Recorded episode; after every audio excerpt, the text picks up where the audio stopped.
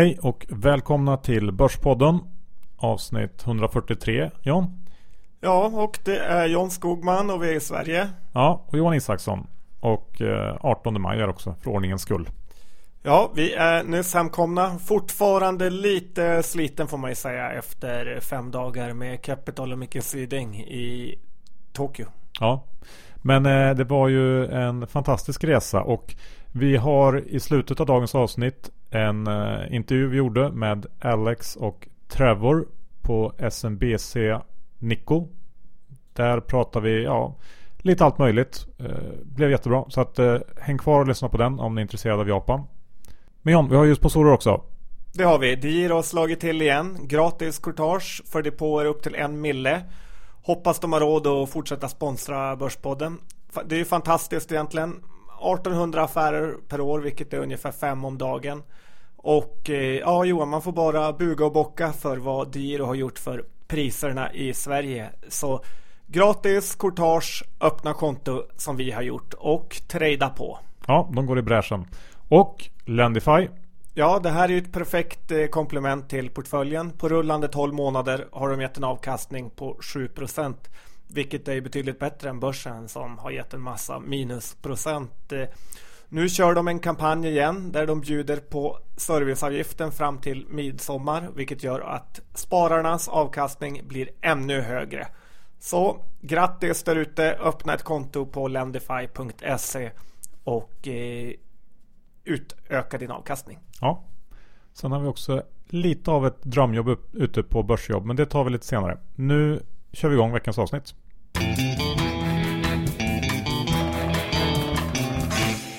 Japan John, hur var det egentligen? Ja, det var ju väldigt, väldigt eh, bra. Ett land som man kan ge en stark köprekommendation på. Ja, eh, ska vi ta några liksom, spaningar nu, nu som vi har med oss hem eh, innan vi går in på, på dagens vanliga avsnitt. Eh, jag kan väl börja. Det var ju väldigt rent i Tokyo. Ja, extremt rent. Eh, Stockholm framstår som en eh, soptipp. Och eh, vad London och Paris eh, framstår som vill jag inte ens tänka på. Nej, och det var lite märkligt eftersom när vi gick runt där så hittade vi ingen soptunna någonstans. Det var helt omöjligt att kasta sitt eh, skräp som man hade. Men vi fick ju reda sen på att det här beror på att alla japaner tar med sig sitt skräp hem för att man anser att ja, det är allas land och det är inte upp till staten att tillhandahålla soptunnor och liknande utan det tar man med sig och slänger hemma. Ja, vad tur vi kunde trycka ner vårt i någon eh, cykelkorg. Ja. Sen eh, en annan intressant grej där eh, var ju det här med bilar. För att vara en så stor stad så, så var det ju ändå ganska lugnt och man såg inga bilar som stod på gatorna. Eh, och det berodde ju i sin tur på att man var tvungen att ha ett eget tillstånd med sig när man köpte bil. Och det tillståndet visade då att man eller ett bevis kan man säga kanske. Och det beviset visade att man hade fixat en egen parkeringsplats. Så lite samma tänk där. Det var inte upp till staten att eh, eh tillhandahålla parkeringsplatser utan det fick man fixa själv. Någonting som var negativt då John, fanns det något?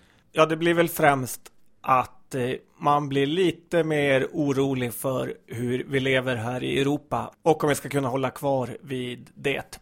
Och sen har ju Malmö faktiskt lyckats med att få ett Eh, kolossalt uselt rykte runt om i världen, vilket de eh, kanske bör jobba lite på.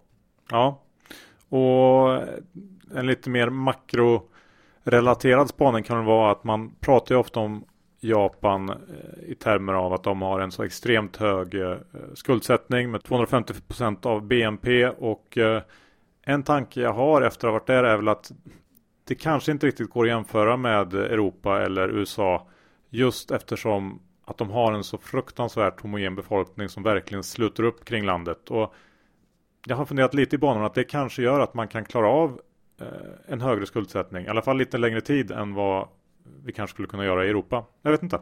Dessutom fick man en lite ny syn på hur de tänker kring tillväxt där.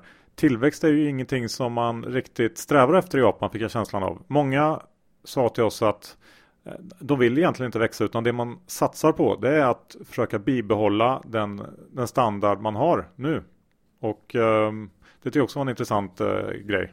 Ja, de hade tagit ett aktivt eh, beslut att de kunde gå från 120 miljoner i befolkning till 100 bara de fick fortsätta som nu. Ja, Men nu lämnar vi våra upplevelser från Japan. John, har du sett något intressant eh, på andra håll runt om i världen sedan du kom tillbaks? Ja, men det är ju det här med H&M. De sviker med sin försäljning och eh, det känns lite som att jag är ensam i Sverige med att ha en säljrekommendation på H&M och det är därför jag nu måste leva under skyddad identitet.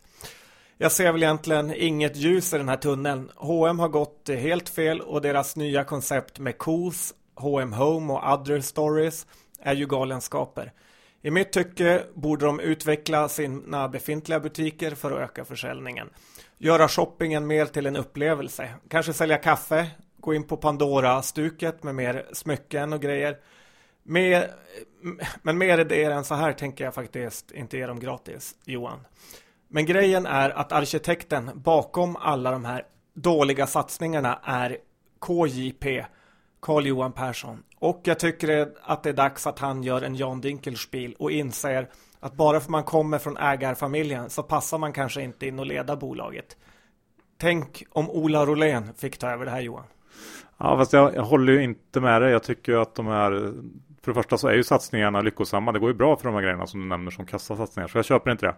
Eh, sen däremot kan jag hålla med om att, eller jag kan tänka mig att H&M skulle kunna gå riktigt, riktigt dåligt. Aktien då syftar jag på. För om man börjar eh, tveka på riktigt när det gäller tillväxten som ju har varit svag och siffran som kom i måndags var också långt under konsensus. Ja, då kan ju multipel multipelvärderingen sjunka ganska drastiskt tror jag. Eh, men det skulle jag se som ett köpläge så att jag hoppas nästan på det för jag tror på H&M på lite längre sikt. Ja, jag tror det här är nya Walmart och eh, min säljrek eh, kvarstår. Ska vi säga något mer? Buffett, han har ju gått in i Apple. Ja, och det är mycket hype kring det här. Det här är en investering som är signerad Buffetts två underhuggare. Berkshires börsvärde är på 350 miljarder dollar och stoppa in en miljard i Apple är ju som att man har en hundralapp och köper något för 30 öre. Det vill säga det här är en helt obetydlig och nästan meningslös eh, investering. Ja, så kan man se på det. Om de inte köper jättemycket mer. Men eh, det skulle han ha gjort när den var billig. Ja, exakt. Inte när de var på väg ner. Bra Johan. Ja. När vi ändå är i USA och snackar så följer jag utvecklingen i Uber med ganska stort intresse. För det har skrivits en hel del på bloggar och liknande om hur Uber samarbetar med kreditbolag för att locka in nya förare. Och det gör man via eh, räntefria upfront-betalningar. Så man kan få 1000 dollar eh, upfront om man signar upp sig som ny förare. Och sen så drar då det här kreditbolaget och Uber avbetalningar från det de kör in. Eh, men det här är inte riktigt räntefritt som vanligt när man säger så här utan man har smugit in utlösa servicekostnader som i, i praktiken gör att räntan är ja, typ 100% på årsbasis. Och eftersom det här bara gäller nya förare och de som nappar antagligen inte har det så här jättebra finansiellt ställt så blir timlönen för de här förarna extremt låg. Och själva tanken på att låsa in förare på det här sättet, det tycker inte jag är en, det är ingen bra idé. Dels så tror jag att servicenivån kommer att få sig en, en törn av det här. Upplevelsen av att åka Uber kommer att sjunka.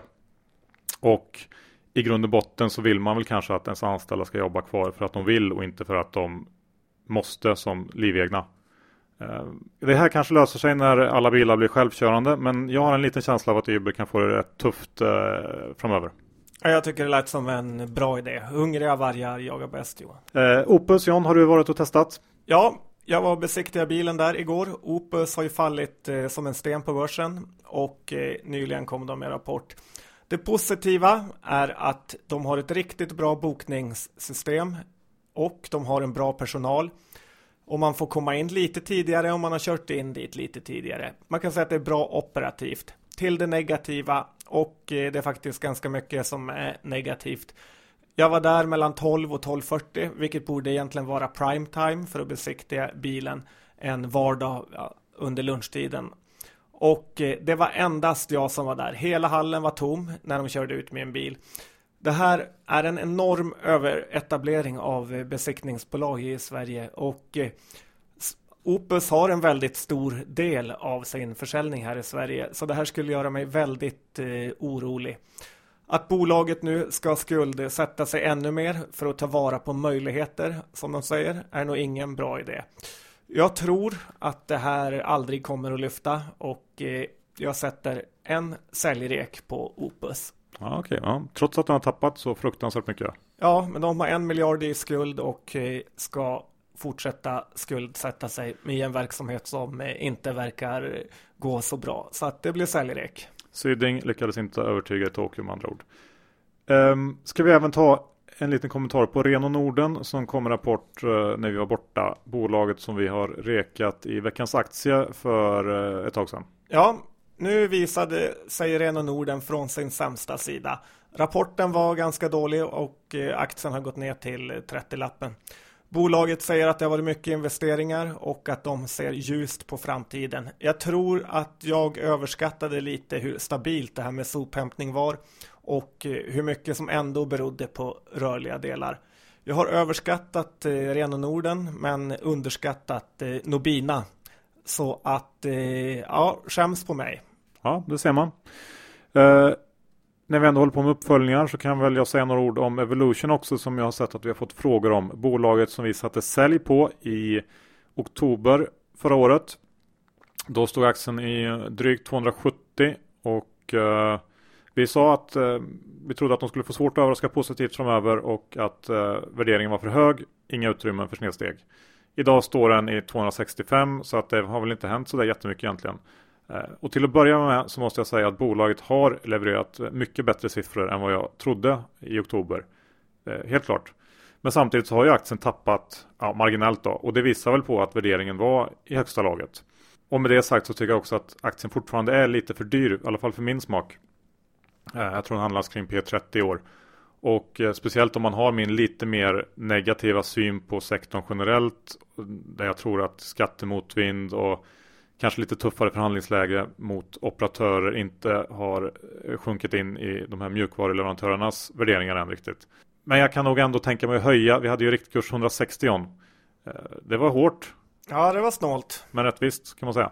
Eh, men jag kan nog tänka mig att köpa den här aktien runt 200 nu om den skulle droppa ner dit. Ja. Vad säger du om det?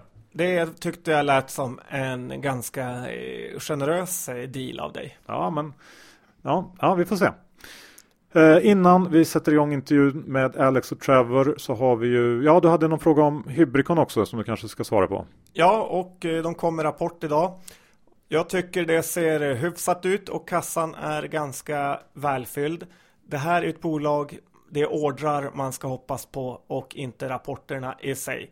Det är hög risk men det är ett kul bett. Jag är kvar och jag är längre än någonsin. Avslutningsvis här i första delen så har vi också lite info ifrån Börsjobb att komma med. Vi, det droppar in nya jobb hela tiden och nu har vi ett riktigt drömjobb på gång.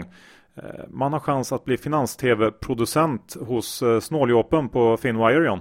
Ja, det lät ju spännande. Vad innebär det? Ja, som producent så är det väl lite av en spindel i nätet antar jag och uh, du får göra massa olika saker.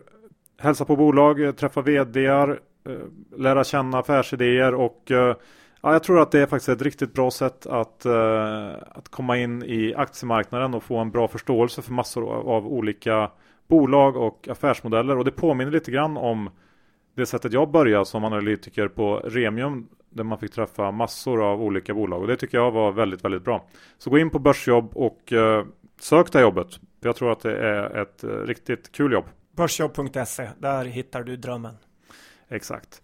Nu rullar vi igång intervjun med Alex och Trevor på SMBC Nico och um, ja, vad ska jag säga om den?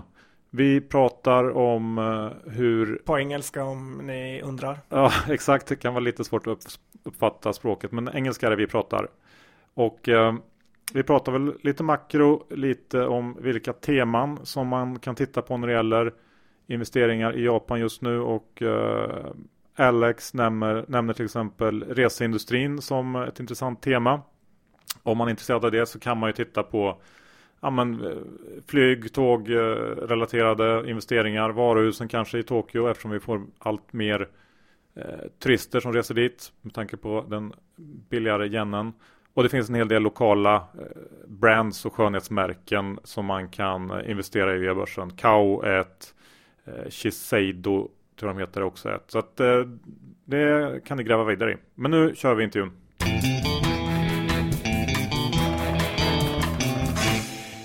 We are at SMBC Nikko with Alex and Trevor. Thanks so much for having us. Pleasure to be here, guys. Thanks for flying into Japan. Yeah, it's been great so far. Hi, guys. Hope we can be helpful. Uh, can you first give us a little bit uh, of your background, what you what you're doing here, and how you ended up in uh, in Tokyo, and uh, yeah. So we'll show you that the Cold War is over because you got an American and a Russian who are here on the same team. I've been in Japan the last 24 years. Uh, I've worked for the Japanese government. I've worked for a range of foreign uh, financial companies. And for the last two years and change, I've been here at SMBC Nikko. Where in America are you from? I grew up in California. I went to college in New Jersey. I graduated, drove across the country, gave my Isuzu Trooper to my little sister, and have been in Japan ever since. And, and what do you do uh, here? at SMBC? So I'm responsible for our equities business globally, which is mostly Japanese stocks. We do a bit with US stocks. We have a very large retail client base, and we also have uh, connections to the global hedge funds and institutional investors who make up about 60% of the trading of Japanese stocks every day. And Alex, what about your background and uh, yes, so I am, as as Trevor has mentioned, I am originally Russian. I um, I come from Saint Petersburg, which is relatively close to uh, to Sweden and the Nordic region. Uh, I first got to Japan when I was a high school student in the early 90s with my family, and uh, to be honest, family has left, and I have stayed ever since. Um, I've had a couple of jobs in uh, financial centers around the world, uh, New York and London in particular, but uh, have basically since the start of my career been involved in trading, mostly index trading and portfolio trading, uh, some ETF market making, and now at SMBC Nikko, I look after all uh, principal book trading that we do and client facilitation. So you speak uh, Japanese? I speak Japanese. So does Trevor, by the way. In fact, uh, you know, given given our client base, which includes a lot of corporate clients and a lot of uh, retail clients, um, most of the foreigners who work here at SMBC in Tokyo speak some Japanese or some advanced Japanese. How hard would you say that is to learn? Japanese looks very difficult because obviously of the writing system. Speaking Japanese is actually not that difficult, but again, if you want to learn it properly and be able to read and write, you have to put significant effort into it. Okay. Uh, Trevor, you are a macro guy. Can you give us uh, give us a broad macro picture about Japan, what's happening here, and then the outlook? So, to talk about today, you have to start in October of 2012. And that's when the Nikkei was, and the Japanese economy as a whole, with the dollar yen in the 70s, was on its knees, and the land of the rising sun was looking like the sun was going to set forever. And at that point, global investors were, give or take a few billion, $400 billion underweight Japanese equities. Probably the biggest single risk position in the world. Why? Because from 1989 to, ni- to 2012, Japanese equities generally went one way. And even when they were bouncing, they were underperforming the rest of the world. So, not owning Japan was a very profitable, long term, easy trade. And then from November December of 2012, Prime Minister Abe came back for his second go at the prime ministership, and the country started to tick again. And I guess I should say the economy started to tick again. And importantly, the potential for the economy on a forward looking base started to tick again. Why? The yen weakened quite a bit, which meant exporters could make more money and guys like you could come to Japan more affordably. The government got far more involved in stimulus, and so there was more money flowing around in the economy. And those were Abe's, Prime Minister Abe's so called first and second arrows, which most people would give the Prime Minister as well as the central bank, quite a bit of credit for having gotten that right. Now, since November 2012, foreigners have net bought through last week about $130 billion, $140 billion of Japanese equities. So a bit more than a quarter of that $400 billion underweight position. Now it peaked last summer at 240. So quite a bit's unwound over the last year and with given what happened with Chinese uncertainty, oil uncertainty, the US interest rate cycle uncertainty, uh, Japan was a target of the general risk off overall environment. Uh, and the yen has once again strengthened moderately from something around 120 to today, somewhere in the 10 somethings between 105 and 110.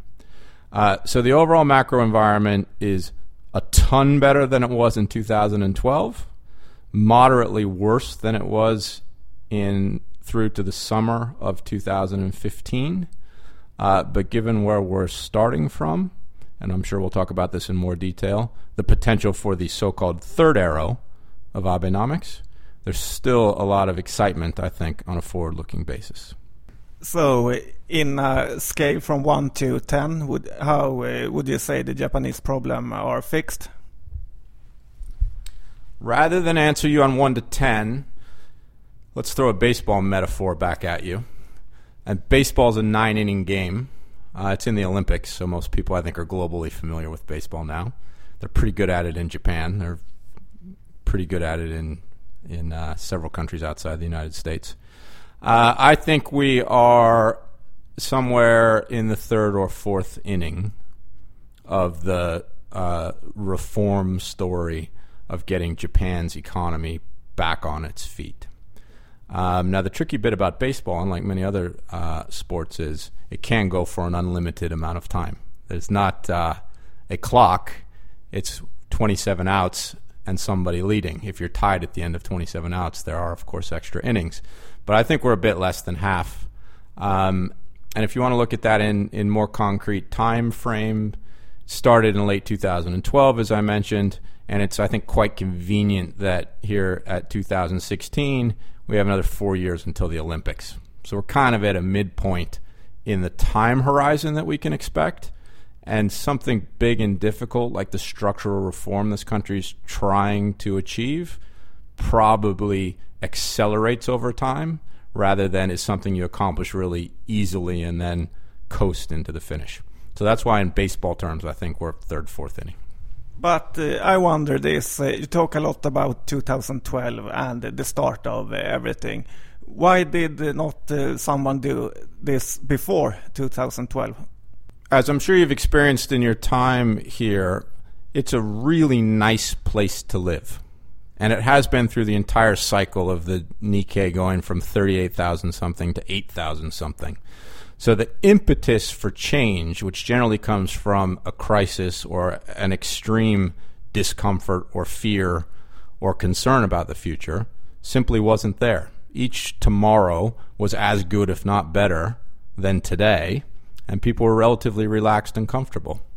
One of the things we like to talk about in the 1980s, when Japan was often being identified as having lost the war and won the peace, there was something that was very popular called Japan bashing. When I was a kid, it was uh, on TV that you'd have American Congress people take a Japanese car to the front steps of the Capitol building and tear it apart with a sledgehammer. Uh, and this was our strongest ally in the region.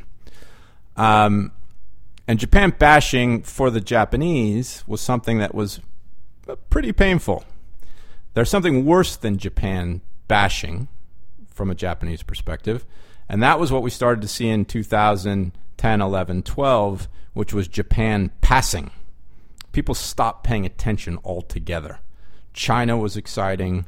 The recovery in the US was exciting. Problems in Europe were distracting. And people could just avoid Japan. And it's a very proud country. The senior folks at Japanese corporations, in the government, in the bureaucracy, are used to having real seats at the table at the G7, are used to having real seats at the table at the IMF and the World Bank. Uh, and there was, I think, some fear that wait a minute, we might become irrelevant. Japan passing was far more damaging, I think, and understandably damaging to the collective ego than the Japan bashing period was. And I think that's what created the sense of, of not quite a crisis, but the sense of a need to do something different. This uh, structural reform that is uh, needed, uh, can you tell us a little bit more about exactly what what's, what are they going to do, and will they succeed? Do you think? So Abe, Prime Minister Abe's third arrow is about structural reform, and it's structural reform at all kinds of, of, of levels, at the corporate level, at the government level, even at the probably the personal household balance sheet level. Um, and it's absolutely understood across the board to be needed intellectually. Yet the impetus to get up and do it is something that we're finding and everyone's finding to be quite difficult. And I'm somewhat understanding of that. Everyone will say, oh, Japan, it's going too slowly. Oh, Japan's not serious about structural reform. And I'll often respond to that by saying, can you give us some other examples of where people went out and achieved structural reform? Uh, and there aren't very many. Uh, we tend to achieve structural reform after we've had terrible things happen, like destruction through war or earthquakes, which obviously we have faced some of uh, in this country. The most recently uh, in Kumamoto, unfortunately. Um, so, as I said before, you wake up each morning and life's pretty good, and you've gotten the yen from heavily overvalued in the 70s to something where it's probably much closer to fair value. Let's say it's 110 at the current stable level. And so there's a degree of well, let's go back to kind of everything's okay, and we'll we'll let uh, matters take care of them themselves. Um, and there was a bit of a scare just in the last couple weeks where we went back to 105 and it was looking like we might go to a yen stronger than even 100. And I think that woke people up again to the fact that, hey, we do need to get going on the long term uh, structural reform changes.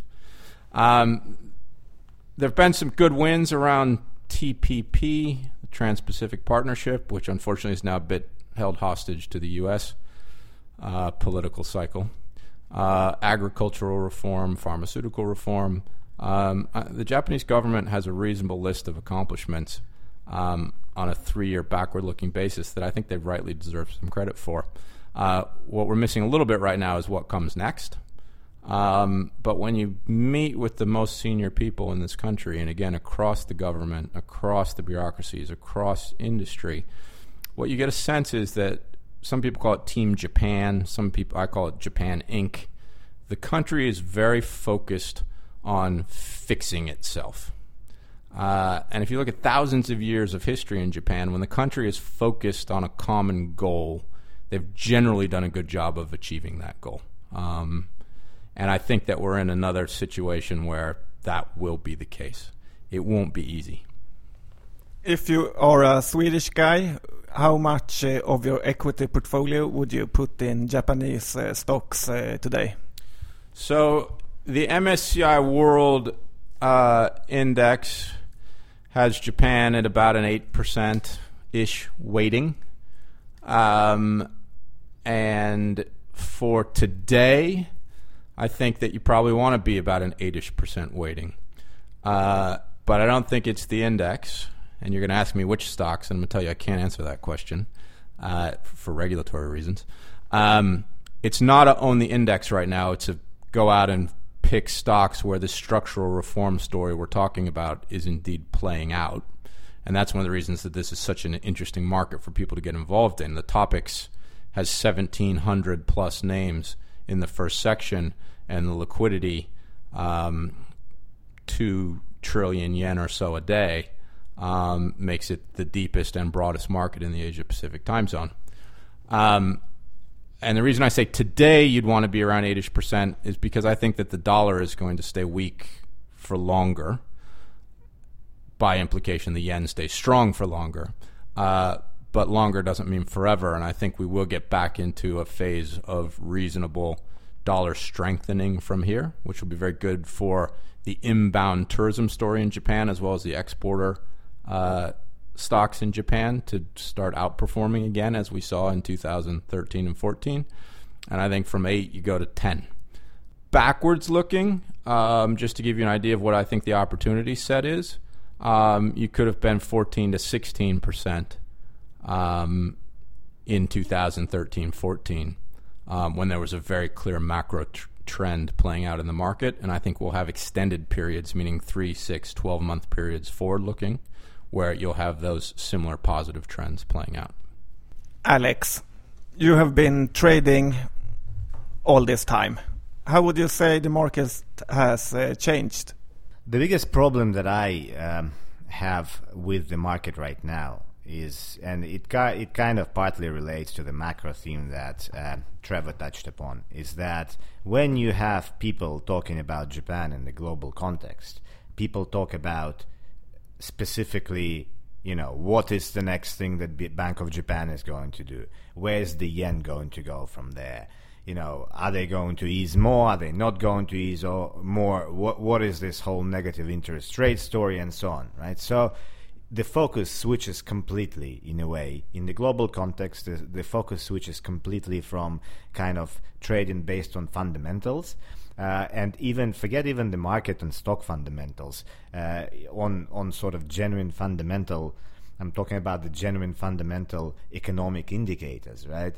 I mean, any other market that you look at in the world, you know, you start looking at economic releases, your consumption growth, this, you know, GDP, things like that. In Japan, all of that stuff um, for the last few years, actually longer than the last few years, has been largely irrelevant, right? So, yes, since 2012, um, the new government, and that's fantastic that they're doing it. They have kind of, you know, they're, they're genuinely willing to get it right. They're genuinely trying to attract some attention. But the only problem is the attention that we are attracting right now is the macro attention that is associated with what's the next thing that the BOJ is going to do.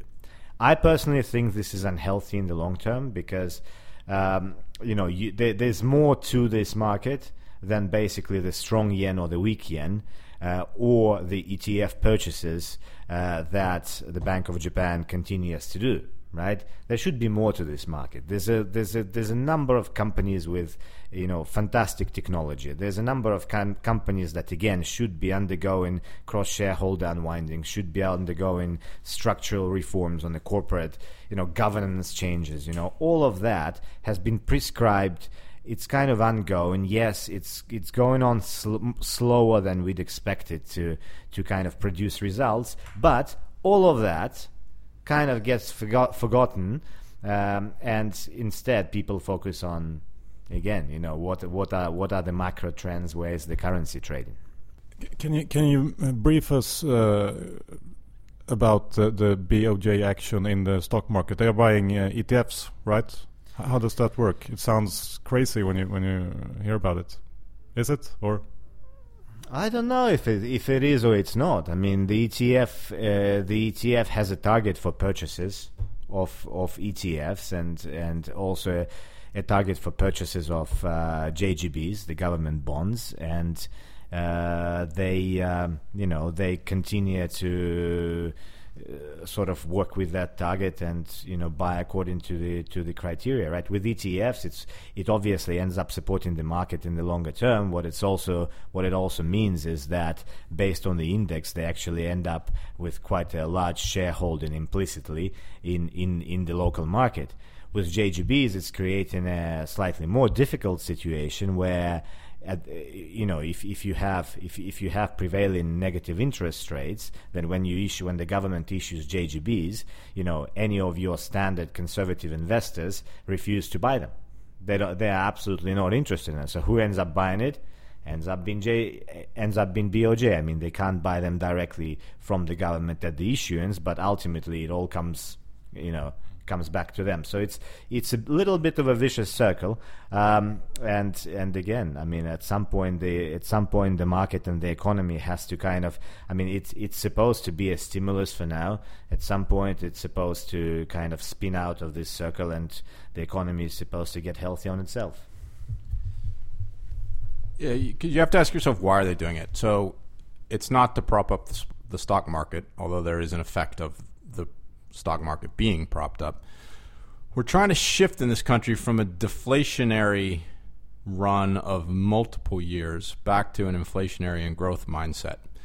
And one of the ways that you can psychologically absorb that working or not is our risk assets appreciating in value.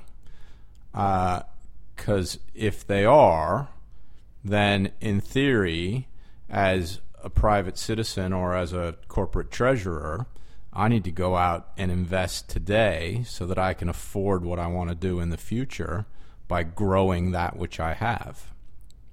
And right now, actually, we have shifted into into positive inflation, although very very slightly. During the deflationary period, the smartest thing you could do is sit there on your cash, not use it today, because you can buy more with it tomorrow. Um, and in terms of a liquid, measurable risk asset that you look at every day in the newspaper or on the internet to see is the economy getting better or not, uh, the stock market is one very clear metric uh, that people, I think, will will both consciously and subconsciously uh, absorb as yeah, this Abenomics experiment is working. Um, so there's an Abenomics economics component of it. There's also a psychological element to it, uh, which is why the debate among economists whether this works or not, I think, is less relevant than the debate among psychologists whether you can break from a deflationary mindset to return to one of investment and growth as your expected outcome for the future. Alex, let's uh, talk about uh, money making. You're a trader. What's Correct. your best uh, trade uh, right now?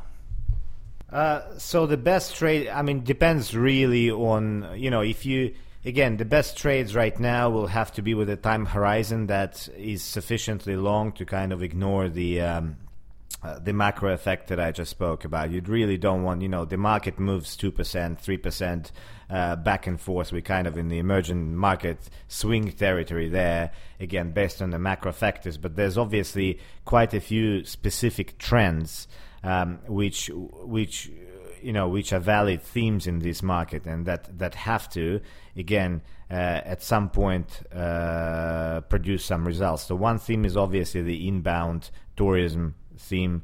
You know, the number of tourists visiting Japan uh, has been increasing um, over the past few years. Again, spurred by Abenomics in a way. I mean, in a, in a desire to make Japan more attractive. You know, you have you have quite a lot of tourists coming from Asia uh, who can now do their duty free purchases everywhere um, around town uh, rather than just at the airports. You have you you, you have uh, you know plenty of people coming here for winter tourism. You have people coming from uh, Europe people coming from uh, Australia, America, just to kind of visit around, and that number keeps growing, right? So we would look as a part of that. Obviously, we would look at a lot of retailers. Uh, we would look at, at, at quite quite a few um, companies that target specifically the tourists. And uh, again, I mean, this is not a this is not a one month story. This is more of a four year story from now on, uh, given that the Olympics is in 2020. So the other story is even longer than the inbound story. Clearly, Japan has has been having a rapidly uh, wait, sorry, not rapidly, but a continuously aging population. So birth has uh, birth rates have been going down. Uh, the the uh, the proportion of the so-called elderly population or has been going up. Right on the um, again that sort of coincides with. So there, there's really two outcomes there, and you can kind of uh, debate which one, oh, you know, which one will prevail. Um, one of the obviously the government, uh, the government's fiscally, the government's biggest spending is on medical and pension uh, spending in this country, right? So either the government will need to cut it down, in which case which is a hugely unpopular move, and uh, you know they they may or may not do it at some point, or the companies that are focusing on technology to you know on on robotics household robotics on technology to help kind of people move around when when their bodies get weak. Uh, just all all kind of biotech stuff that you know there's a lot of focus on US biotech and the recent bubble and the bubble burst and so on. Uh, kind of in the in the in the backyard of that, there's been quite a lot of interesting companies here in Japan which actually have been quietly producing sort of less glamorous technology than the one that uh, than the ones that you see in in uh, in the US, and uh, those have been getting quite a lot of attention. So to summarize it, uh, biotech, care products, and tourist uh, companies is that uh, what you should have in your portfolio right now? I would. Um, the only other theme that I think continuously keeps outperforming in Japan is really the yield plays. Um, you have a population which, as Trevor mentioned, has generally been very conservative with their money. Now, the zero interest rates that happen in everywhere around the world these days have been in Japan for decades, right? Uh, they've been in Japan forever. So, any kind of yield that people uh, could get out of a stock is actually already quite attractive, right? So stocks that pay a healthy, you know, three four percent dividend yield, uh, and you know have kind of conservative business, people here in Japan will always like them and support them. As you mentioned, uh, you had have had uh, zero interest rates uh, for many years, but we in Sweden had it have had it just for a couple of years. Any trends that you think will emerge in Sweden that has happened here in Japan that the Swedish investors can might want to look at? We're still debating whether it's been a mistake or not. And in fact, the, our clients around the world are debating whether it's been a mistake or not. So I think that there's been a lot of creativity in the Japanese market around creating structured products uh, that involve clients or end investors, retail investors, selling derivative structures back to the investment bank, who then package those up in a way that it generates an attractive coupon. So the reverse convertible is one name for it, or the auto callables is one name for it. And even there's more and more people who are talking about uridashi, which is kind of the Japanese name for it, a little, little bit like we say sushi, we don't say raw fish on rice. Um, and so as long as you can ensure that there's very clear and proper risk disclosures around what those structured products have embedded in them, there are uh, intelligent ways to get, if you're going to sell a put, to get a coupon out of that, and you understand that you've sold the put and you may end up owning the stock rather than getting your money back, but you got a lower entry point into that stock than where it was trading today um, you there's a lot of room for creativity around that. Um, it becomes a mathematical opportunity for the financial services firm that will supply that product, where it can be a market direction uh, or fundamental view from the end investor who will say, "Yeah, I'm happy to sell put on that company because I think it's going to go up." Or I already own the stock and I don't think it's going to go up a lot, so I'm happy to sell a call on that company. And if you do it as structured products rather than as OTC derivatives, it becomes much easier from a documentation and a settlement risk perspective. So I think the creativity we've seen is really starting in the in the mid 90s in the Japanese structured product market is probably something that can go global.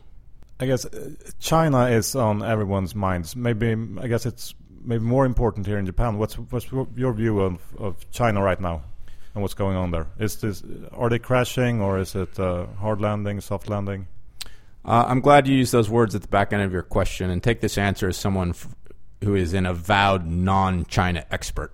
Um, and to a degree, I, maybe it's even hard to be a China expert because what do you do with the data and how trustworthy and complete and valid is the data you get? I think the debate is is there a crash landing or does it keep flying? I don't think there's a hard versus soft landing debate that matters as someone sitting here in Japan on the periphery of China. Uh, any kind of landing is bad for Japan. Keep flying, it's good for Japan. I think it's as simple as that. Um, I'm a believer in inertia. Uh, and China has had plenty of problems, but it's been quite functional for a lot of years now. And from what we can tell, the government's pretty well in control. And as long as they stay in control and the middle class continues to grow and the average quality of life of the middle class continues to improve, then you'd expect that that many people living in that small of a place would continue to support the status quo. Um, so China keeps flying is the base case. And I'd also say, I mean, part of our job is to hedge against tail risks, but when your plane's going to crash, the hedge doesn't matter. Um, so let's spend our time focusing on making the most of the plane continuing to fly, even as we're a little bit uh, nervous that well, if someday if it does crash, that'll be a that'll be a real bummer.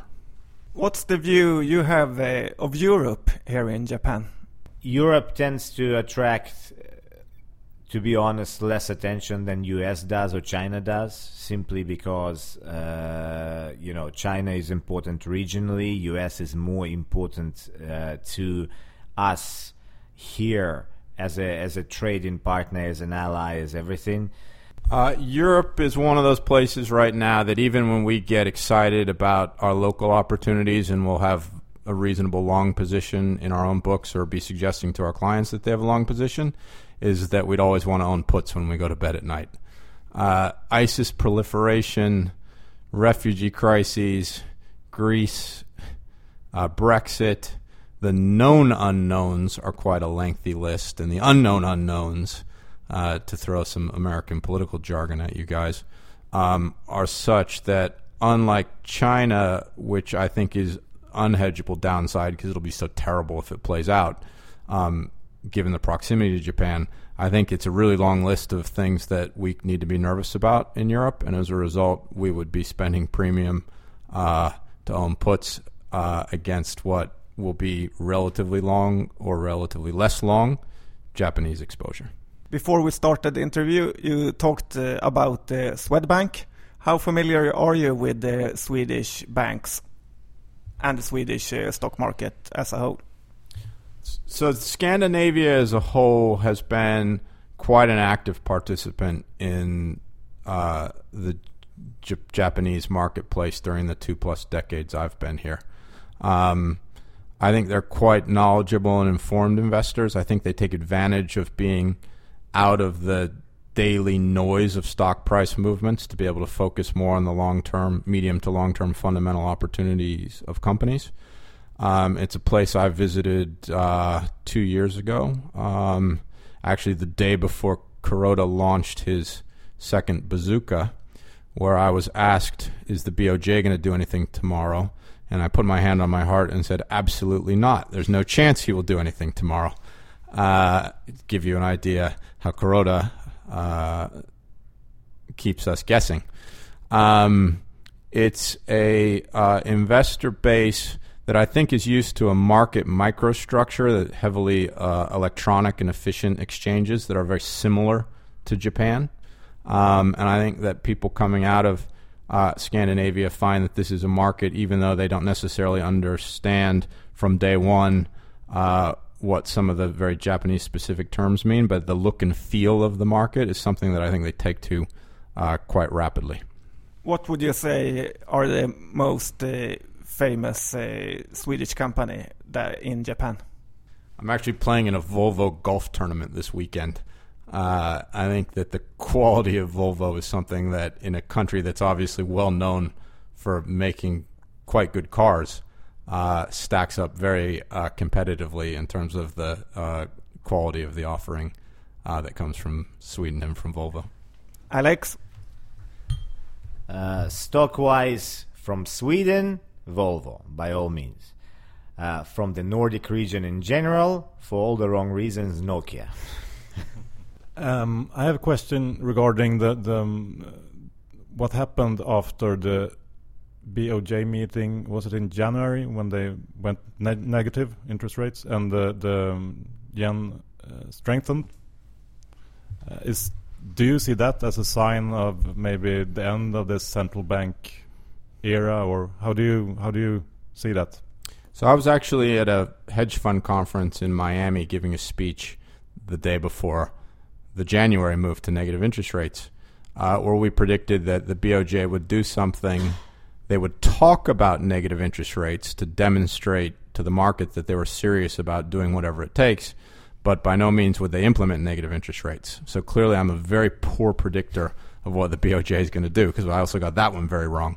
Um, the official argument will be that yes, the yen strengthened, but had they not gone to negative interest rates, it would have strengthened even more.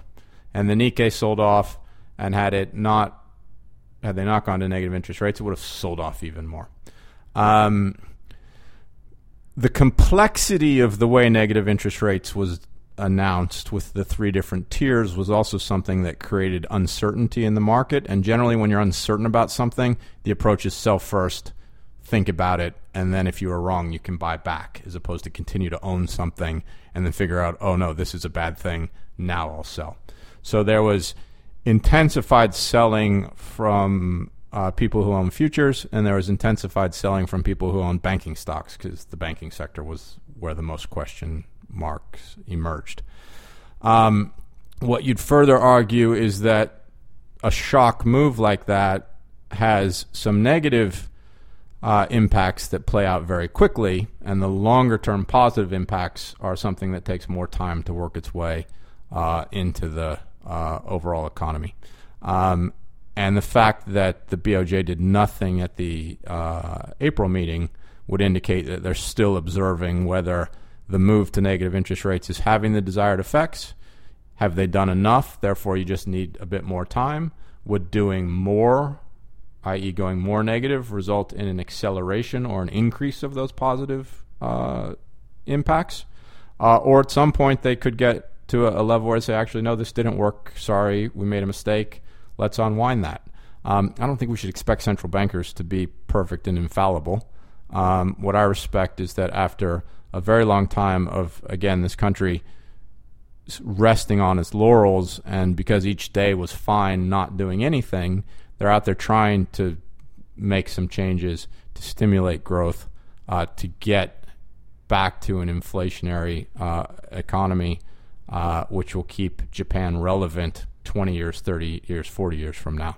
Because the risk as I said before was Japan passing and people just stop coming here so to add to that, in terms of markets, what we have, uh, what we and, and we keep talking about it all the time, to be honest. But um, the uh, the funding rate for holding stock positions, you know, you can call it the balance sheet costs or just generally the funding costs, um, has, you know, obviously if you if you if you having positions on you pay the funding rate if you hedge yourself with futures if you have index position hedge yourself with futures there's a funding rate implied in the futures right so so with this recent move the funding rate that was implied in the futures which was generally positive it wasn't anything to write home about, but it was generally positive 20 40 basis points, which implies positive carry for the traders, went into a territory where it now implies a heavy negative carry for the traders. So having inventory on your books is not profitable anymore.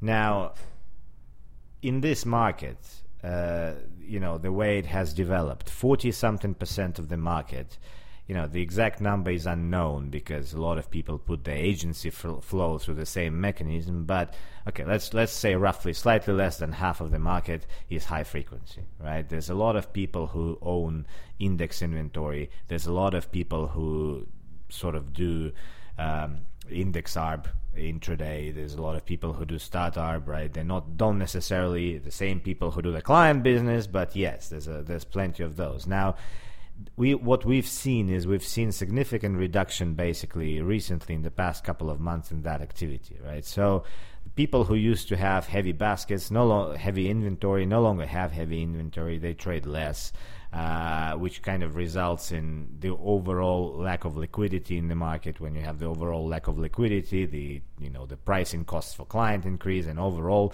the credibility and the liquidity of the market goes down. So that trend we clearly seen right? we are probably you know the again historically if you kind of compare people regionally there's a perception that the americans the american uh, banks probably have higher funding costs the japanese banks probably have lower funding costs but again it doesn't matter. The recent move has taken the futures implied funding deep into negative territory and that is hurting everyone.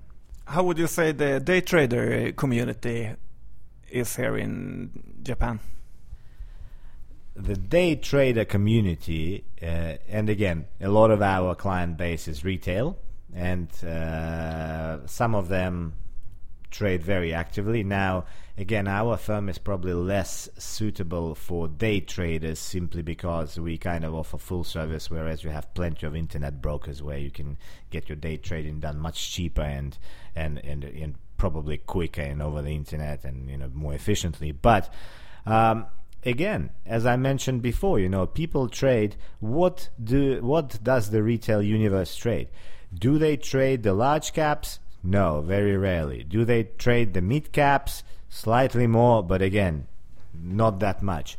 The retail universe trades the absolute small caps, the sort of the the the the TSE mothers index names, which are kind of the emerging ones, you know, and you know all that stuff. Some of which uh, the institutional clients have never heard about. Plus, the retail client base. What's the most traded stock in Japan? It's the Nomura leveraged ETF and the Nomura inverse ETF. So again, we either in, we we are kind of in the two extremes, right? One extreme is the companies you've never heard about, which you know may or may not go up by 20% tomorrow. The other extreme is even retail is now trading on whether you know the overall market is going to go up or down, right? And it's it's again, as I said before, I personally think this is quite unhealthy for the market, um, uh, for the market, but that's what's going on. Sounds like Sweden. There's a very strong technical undertone to how retail trades the Japanese market. I think another Japanese term that's gone fairly global is the Ichimoku charts, are often referred to as the cloud charts, and so there are multiple levels that uh, often become, I think, a self fulfilling prophecy because uh, so many people are looking at it. Uh, the other thing I would say is that if you look at a multi year run, Japanese retail in the domestic market has consistently been the buy low, sell high successful market participant. Uh, in aggregate, they seem to do a pretty good job of picking stocks up when they're cheap and getting out when they're relatively expensive with the one exception uh, that every once in a while you run into a margin call environment where a range has broken. Um, and generally, if the net margin losses get more than 20%, you'll get the capitulation moment created by retail. So there is the tail, downside tail uh, creation of the margin call events, um, which gives reasonably good signals for global investors to say, okay, then kind of the noise is out of the way and we can get back to looking at the fundamental opportunities. Before we round up, uh, I would like uh, you to share some uh, tips and tricks for if you're a non-Japanese or Swedish guy or girl who wants to see the world and get a job in uh, Tokyo. How would uh, what would you recommend uh, to do? Well, Alex already told us that learning Japanese is really easy. I have to say, I think he's the first person I've ever heard say that, uh, and it probably speaks to his level of intelligence.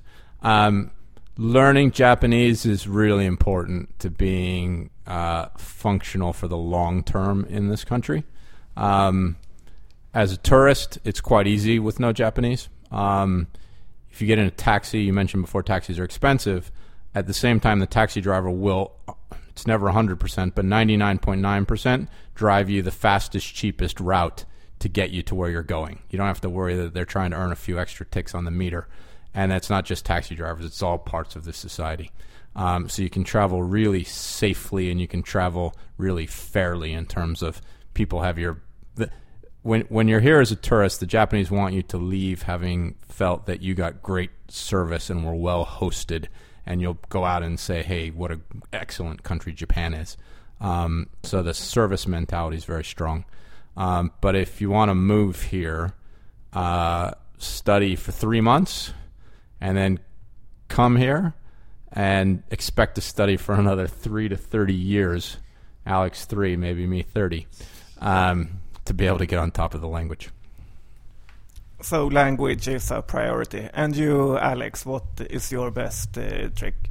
Well, I'll go the other way around. Uh, I mean, you know, us learning the language, us learning the Japanese language is one thing. Obviously, with the whole inbound tourism scene and with the Olympics happening, you know, the the the fact that uh, the population here, despite everyone learning the language for six years in school, you know, uh, the majority of people, well you know, in central Tokyo, you can get around without Japanese. You know, if you actually want to travel the country, go to the countryside, getting around without any Japanese is very, very difficult, right? So I would say that the general level, and again, you guys may correct me if I'm wrong, but Sweden's got it right. Everyone speaks English in Sweden. It's a national project it should, you know, if Japan is really to kind of declare itself its intentions to the world, it should become a national project in Japan that everyone speaks English. So far, it hasn't been a, a national level project, right? But for with the tourism expected to grow further, I mean, the easiest way to kind of come and stay here and actually do some work will be in the tourism in the industry that caters caters to tourism, right? Certainly, financial is not going to be one of those. You know, well, we we haven't really seen, you know, a hiring spree in this space, but in the tourism space, I think it will come and it will just continue to accelerate. And multilinguality or multilingualism, whatever the right word, I'm Russian, um, uh, will will obviously be a strong asset. Okay, thank you so much, guys, for having us. Uh, our time is up, but um, thanks. Thank you. Safe travels. We look forward to seeing you in 2020 when the stock market will either be 3,000 or 30,000, perhaps somewhere in between. Thank you.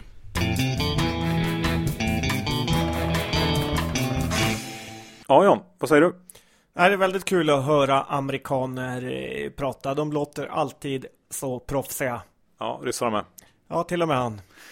Tack Diro för att ni går i bräschen när det gäller handel av aktier på nätet. Ja, verkligen. Noll courtage upp till en mille. Och tack Lendify för att ni har tagit bort eh, serviceavgiften och gör oss sparare ännu lite rikare. Ja, och glöm inte bort att söka jobbet på Börsjobb. Finwire söker finans-tv-producent helt enkelt. Nej, det kommer vara väldigt kul om du får det. Ja. Har vi några aktier som jag pratat om idag? Jag har Hybricon. Ja. Och jag önskar att jag var kort H&M sedan eh, länge när hans pappa köpte upp aktien åt honom. Ja, du kan ju gå kort när som helst. Tack. Ja, gör det då. Ja. ja. Får se nästa vecka om du har gjort det. Eh, jag eh, har inga innehav som jag pratat om idag helt enkelt. Bra! Då är vi nöjda och eh, hoppas att ni uppskattade dagens avsnitt så hörs vi om en vecka igen. Tack och hej! Tack och hej!